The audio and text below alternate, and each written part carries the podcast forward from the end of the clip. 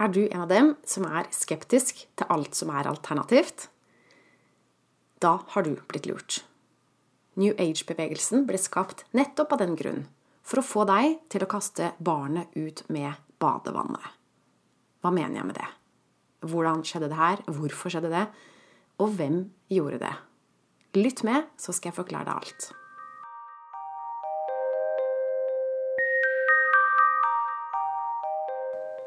Jeg heter Line Strandvik. Jeg jobber online som personlig veileder, hvor jeg hjelper deg tilbake til sannhet, hvor livet er ekte og meningsfullt.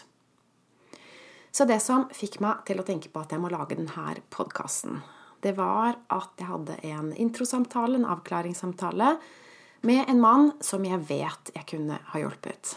Han hadde dårlig forhold til barna sine etter skilsmissen, og hadde prøvd alt. Snakka med alt som finnes, omtrent. Det var det han sa selv.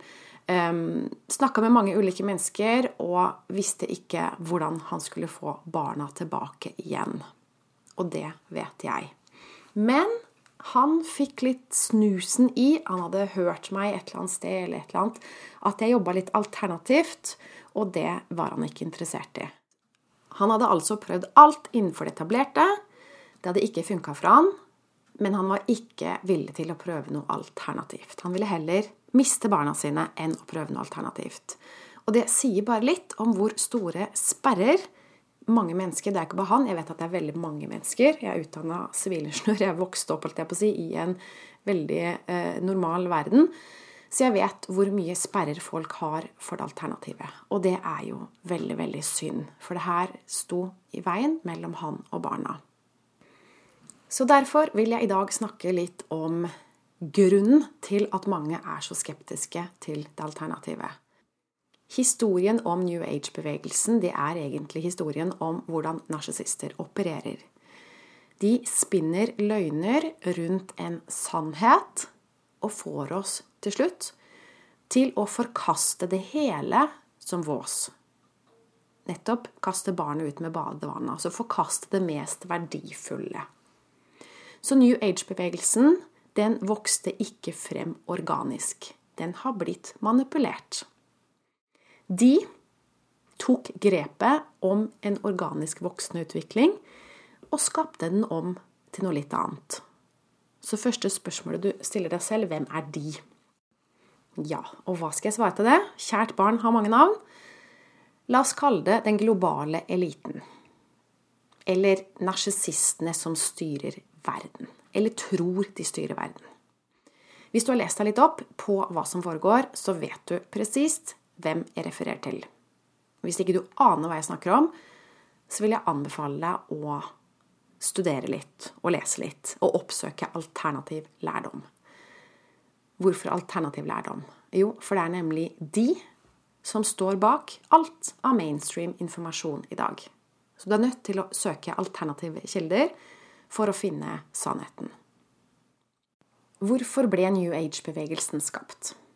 Den ble skapt for å bremse eller stoppe en fremvoksende tendens i samfunnet, som var at ikke vi finner oss i å bli undertrykt lenger av et kongedømme eller prestestyre eller elite eller Det har jo alltid vært sånn. Alltid vært noen som har herska over befolkningen. Og du kan ikke herske over en opplyst befolkning, en befolkning som føler seg frie og sterke. Du kan kun herske over en befolkning som føler seg svake og avhengig av en sterk leder. På samme måte som det er ikke hvem som helst som finner seg i å bli slått av mannen sin. Det har noe med selvverd å gjøre. Når du øker selvverdet ditt, så bryter du ut av sånne forhold. Og det er det som begynte å skje. Folk flest begynte å bli for smarte. Begynte å bli farlige for eliten som styrte. Så de måtte komme opp med nye metoder for å holde oss nede. Så i stedet for å bruke rå makt, så brukte de en ny taktikk. Og det var å forvirre oss om hvem vi er, og hva vi kan. Og det er her New Age-bevegelsen kommer inn i bildet. For det er en bevegelse som er spunnet rundt en mektig visdom. Men den visdommen ser du ikke, fordi bevegelsen er omkransa av tull og tøys og fjas og svindel. Og grunnen til det er for å holde deg på avstand sånn så du ikke blir vis. Du skal forbli dum. Hvordan ble New Age-bevegelsen skapt? Taktikken er velkjent blant narsissister, og det er det at de infiltrerer god, noe godt og gjør det til noe dårlig. Så en god bevegelse blir infiltrert og ødelagt fra innsiden. Og det er mye enklere enn å bekjempe det fra utsiden. Hvis du kjenner til østlig kampsport, så er det det de bruker når noen prøver å slå deg. Så istedenfor å parere slaget, så bruker du energien som ligger i slaget, den dynamiske kraften, og bare svinger vedkommende rundt. Så du bruker altså fiendens krefter til å, å vinne imot dem selv. Da bruker du mye mindre energi. Så de har infiltrert en god bevegelse. Vil si at det er mange falske healere blant ekte healere.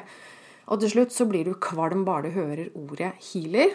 Og det er også en annen ting de gjør. De kaprer ord og får ord til å bety noe annet enn det det egentlig betyr.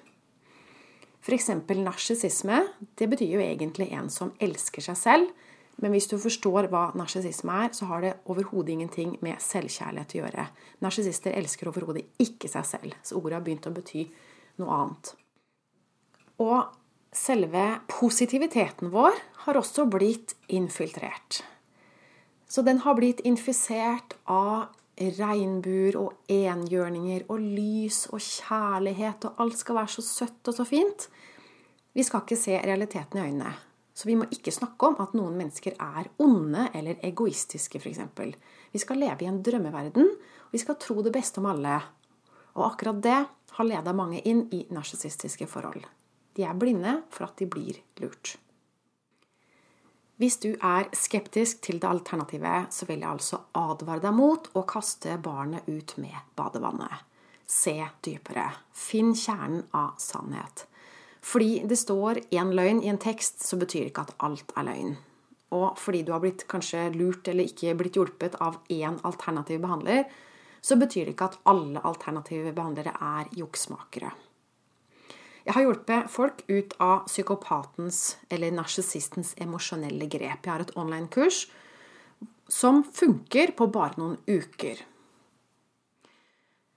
Mine metoder kan ikke anbefales av fagfolk fordi de ikke er godkjente metoder. Men trenger du at noen skal godkjenne metodene før du tar dem i bruk? Er det ikke dine egne opplevelser som teller? Jeg vil si at det er det eneste som bør telle. Hvis du ikke kan bruke en metode som ikke er godkjent av noen andre, vet du hva det sier om deg? Det sier at du ikke stoler på deg selv. Du har gitt fra deg makta til andre mennesker. Vi snakker om empirisk forskning Empirisk, det betyr erfaringsbasert. Og hvem er det som skal erfare? Jo, det er jo de andre, det er jo forskerne. Men det er ikke sånn det skal være. Det er du som skal erfare. Dine erfaringer er det eneste som teller for deg. Så behold makta selv. Gjør dine egne vurderinger, gjør dine egne erfaringer. Og ta valg basert på dine egne erfaringer og ikke andres erfaringer. Til slutt så vil jeg minne deg om at vi er alle forvirra. Vi har alle sammen blitt utsatt for gaslighting på massivt plan i årevis. Vi må finne tilbake til sannheten, og i denne prosessen så må vi være tålmodige med hverandre og hjelpe hverandre tilbake til sannheten. Så vi kan ikke forvente at noen skal servere sannheten til oss på et sølvfat. Vi må søke selv og teste ut selv og ikke være så harde mot hverandre hvis andre tar feil eller gjør feil. Til slutt har jeg lyst til å gi deg en liten oppgave. De neste 24 timene så vil jeg du skal ta utgangspunkt i at alt du hører, er løgn. Finn beviset. Ikke tro på hva noen forteller deg, eller hva du leser, eller noe sånt, men finn ut av det selv. Bli sikker.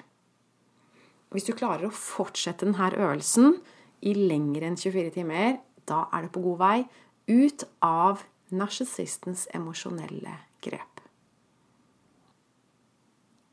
Det var det jeg hadde til deg i dag. Tusen takk for at du lytta med. Jeg ønsker deg en fin dag videre. Ha det godt.